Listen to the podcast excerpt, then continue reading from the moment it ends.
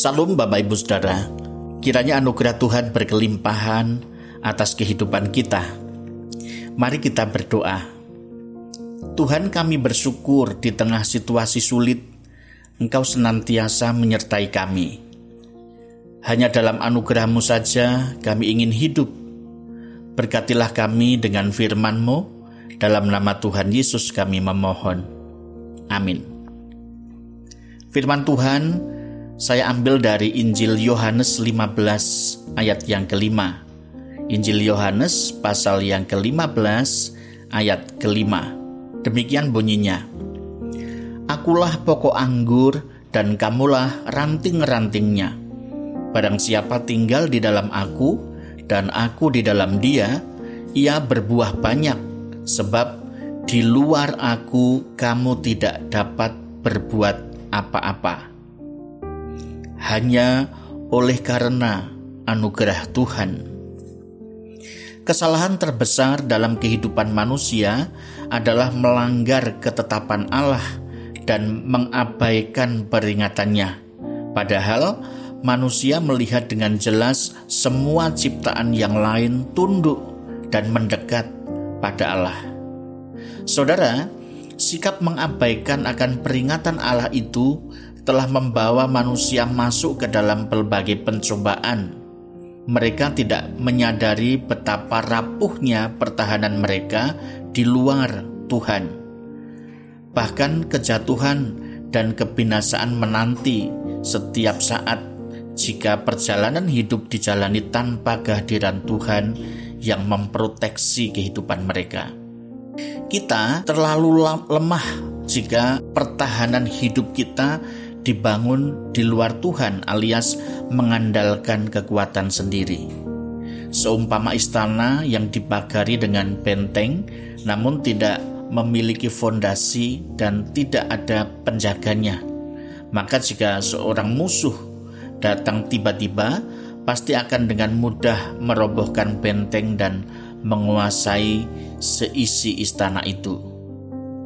Yang harus diwaspadai juga kehadiran seorang pengkhianat yang sedang berencana menguasai istana itu dari dalam. Kita mempunyai pengkhianat yang menetap di dalam hati kita. Ia akan selalu mendebat kita dan bersekongkol untuk melawan kita. Dengan aktif, si pengkhianat itu akan terus menuduh kita bahwa kita tidak layak, tidak pantas, kita seorang yang penuh kegagalan dan menggocoh dengan tuduhan-tuduhan palsu yang melemahkan sehingga pertahanan kita dari dalam menjadi rapuh.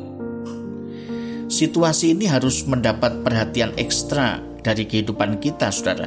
Sebab jika kita lengah, hal itu akan menjadi senjata yang akan menjerumuskan hidup kita.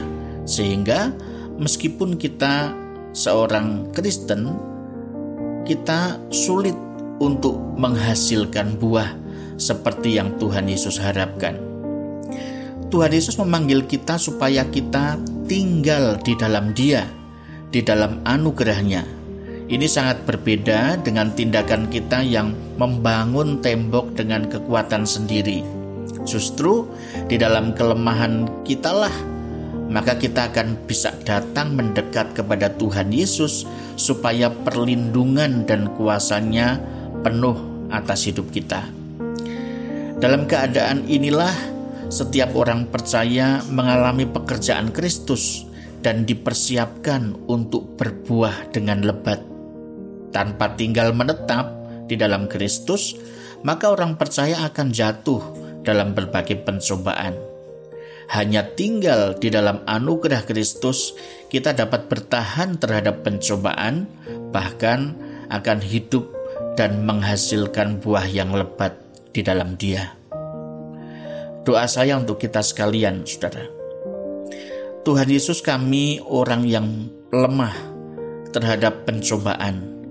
Kami sadar kami tidak akan mampu menghadapi pencobaan itu dengan kekuatan kami sendiri kami memerlukan Engkau, tutup bungkuslah kami seluruhnya dalam anugerahmu, supaya kami berkemenangan dan biarlah kami tetap tinggal di dalam Engkau, supaya kami menghasilkan buah yang lebat. Dalam nama Tuhan Yesus kami memohon. Amin.